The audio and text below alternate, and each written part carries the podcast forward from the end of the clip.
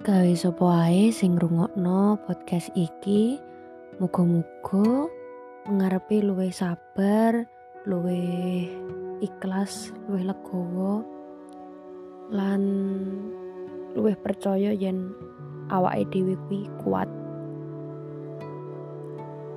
Dadi ing sawijining wektu ya to nalika awakmu kabeh iki ngerasa wis kesel bener-bener sapa maneh to sing arep tak sambati?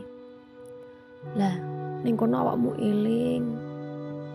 Lengo yen kabeh iki mung mampir ngombe.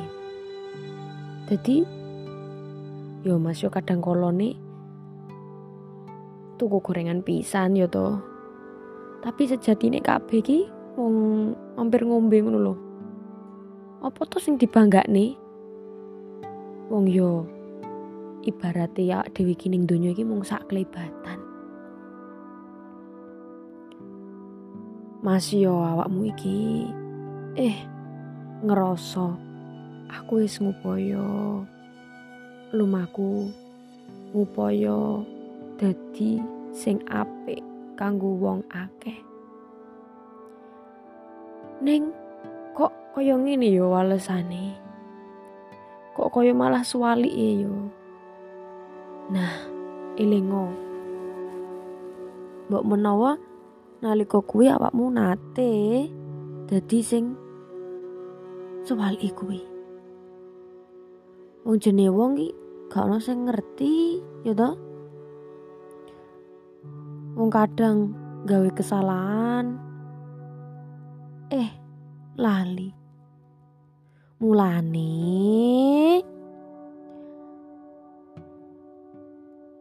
ngucap sing paling angel kuwi ana telu. Sepurane matur nuwun lan apa? Sepurane matur nuwun lan apa? Nuwun sewu.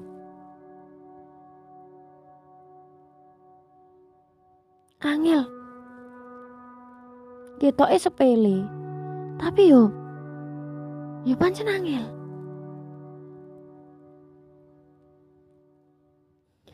Pas ati bener-bener gelo gelo. Wis jeduk wis. Jeduk gelo nih yo eling ae. Mesti awakmu nate sebalike. Jadi menungso iki gentenan no yo kadang-kadang ning dhuwur kadang-kadang ning isor ya toh kadang-kadang ngene kadang-kadang swalike kayak ngono. Pas gelo yo oh. Kadang awakmu yo nate gawe gelo. Sing gak wajar kuwi pas awakmu wis memaklumi wis berusaha toh.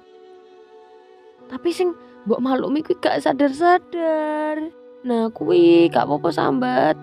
Sambat kalau-kalau ya miso ngono wae cuk. Ngono gak masalah kok miso iki. Oh yo gratis. Neng kudu ngerti konsekuensine sakwise miso iki apa. Nyesel ta seneng ta ya apa. Risiko miso bukan aku ngajari sing elek yo wis miso gak. Jarene wong nom saiki ku nek gung miso ngono gung waras. Mulane yo miso iki yo perlu. Tapi misuwe kudu ngerti lan empan papan. Ojo kok sak waya-waya misa miso misa miso. Wong gendeng anyaran apa piye? Pokok intine ojo ngasih awakmu iki jagane wong. Soalnya sing mbok jagane kadang gak ngerti gak paham gak peka ya toh mending jaga awakmu dhewe. Sing iso ngerteni awakmu sing paham sing selalu ana kanggo awakmu ya awakmu dhewe. Wis pokok intine ojo ngasih jaga wong liya. Soalnya sing ngerti awakmu yo awakmu dhewe. Wis ngono ae saka aku matur nuwun wis ngrungokne. Podcast kersane Gusti nganti tekan seprene.